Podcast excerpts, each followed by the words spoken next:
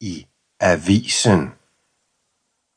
Hun gad ikke engang kigge på træet mere. Fatima er den sejeste store søster, man kan ønske sig.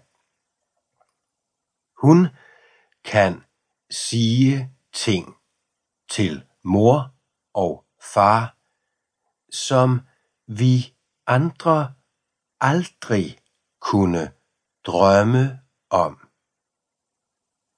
Og så går hun oven i købet til karate og har det sorte bælte. Far havde ret. Det var et halvt år siden, vi havde slæbt træet op på tredje sal med møje og besvær. Side 6 Det hele startede, da far ville have et juletræ. Onkel Rafik kendte et godt sted. Her kunne man selv fælde sit juletræ for 50 kroner. Til sidst fandt vi stedet midt inde i en skov. Der var et hus, men ingen mennesker. Der er det, råbte min far. Så gik han selv i gang med at fælde træet. Hvad fanden laver I her? En kæmpe skovhugger stod bag os og råbte.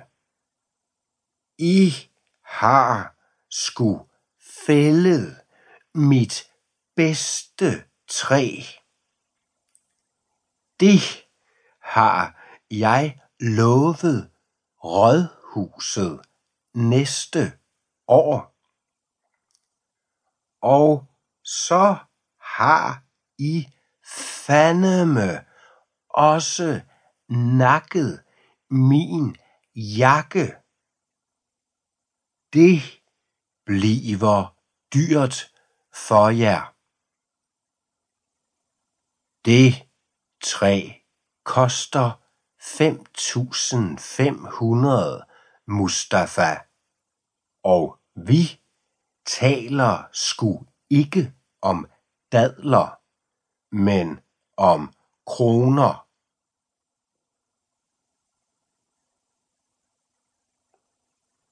Side 8